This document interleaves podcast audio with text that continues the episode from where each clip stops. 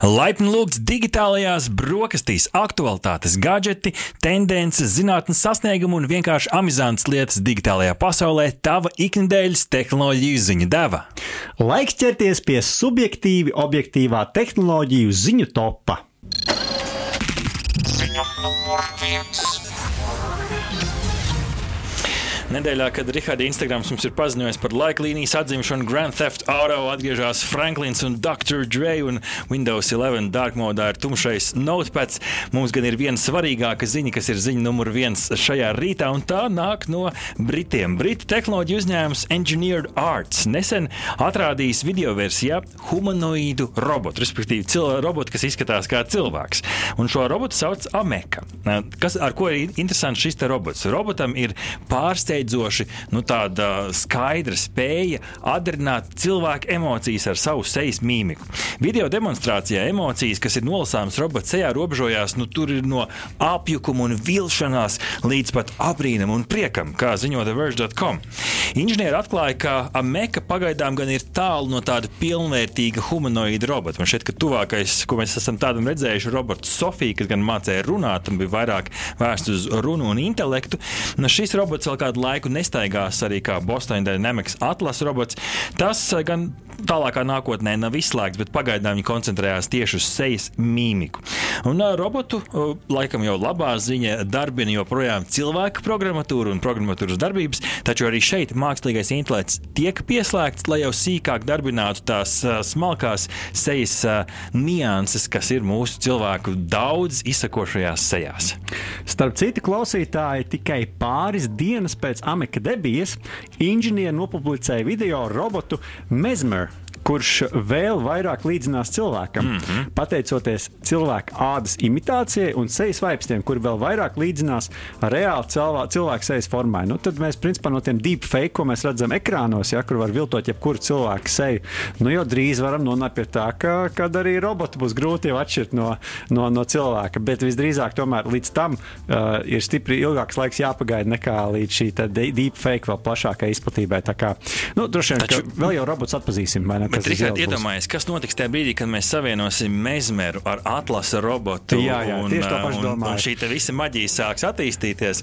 Man šķiet, ka mēs dzīvosim pavisam interesantā pasaulē.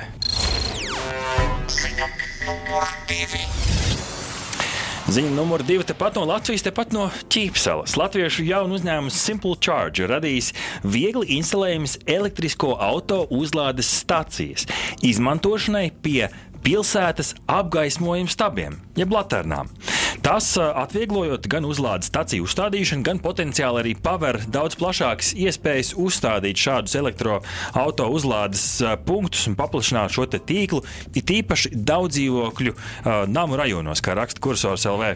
Projekts ir guvis atzinību šoreiz no Rīgas pašvaldības programmas atbalsta tehnoloģiju uzstādīšanai vietpilsētas tehnoloģiju pilotteritorijās, un līdz ar to, kāpēc es pieminēju Ķīpsalu, Ķīpsalā tiks uzstādītas pirmās četras šādas uzlādes stacijas tieši pie Rīgas Tehniskās Universitātes elektronikas un vidas inženierijas fakultātes ēkas Āzenes ielā. Tā kā ja vēlamies šo pārbaudīt uz savu elektroautorātu, varbūt arī tur būs šī iespēja.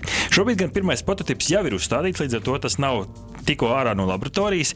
Pirmais esot apes ielā. Nu, un 22. gadā, protams, viņi cer un attīstīt šo tālāk, lai tas, lai tas attīstītos. Es teiktu, Rihard, kopumā tāds diezgan interesants, interesants projekts kopējās perspektīvas. Jā, pilnīgi noteikti. Un te noteikti rīdziniekiem būtu jāapstāsta, ka Rīgā ir vesels trīs šādas teritorijas, kuras um, attīst jaunās tehnoloģijas, kur ir daudz vieglāks saskaņošanas process, lai kaut ko tādu varētu ieviest.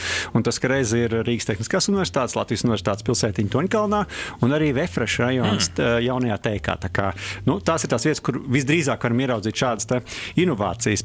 Bet kas šo ideju izceļ citu vidū, ir, uh, ka Simple Charge komanda ir atradusi perspektīvu risinājumu, kas izmanto jau eksistējošu pilsētas inf infrastruktūru. Tas noteikti ļoti pozitīvi, bet uh, no otras puses ir jāņem vērā, ka nu, tie, protams, ir zemes jaudas uzlādes punkti, un mēs nerunājam par kādu supercharge iespējamību, bet uh, nu, tādai nakts uzlādē iespējams, ka tas arī varētu noderēt.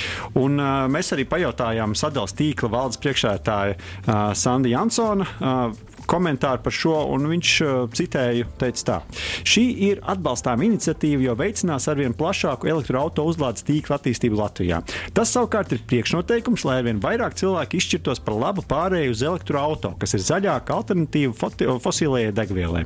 Sadales tīkls ir gatavs atbalstīt un konsultēt jautājumos par uzlādes staciju pieslēgšanu sadales elektrotīklam un ar to saistītajiem tehniskajiem un jaudas nosacījumiem, lai atrastu piemērotākos un efektīvākos risinājumus. Nu, tā lūk, sadales tīkls. Sistēma ir, ir tam gatava, kas vienmēr ir šis interesantais jautājums. Nu, ja es pieslēgšu savu elektroautorātu pie tās laternas, vai maniem kaimiņiem visam rajonam nepazudīs elektrība? Nu, izrādās, ka nē, ka sistēma šim ir gatava, kas ir interesanti, bet man šķiet, ka šeit ir jāmainās arī cilvēka paradumiem. Nav, nav tas, es atbraucu nositu knipi, auto ir uzlādējies. Šeit ir es lādēju, kur stāvu princips. Lādēju, kur stāvi, jeb par nakti uz zemu jaudu, ilgākas stundas tajā brīdī, kad sistēmā ir vairāk elektroenerģija, tad tur ir lādē.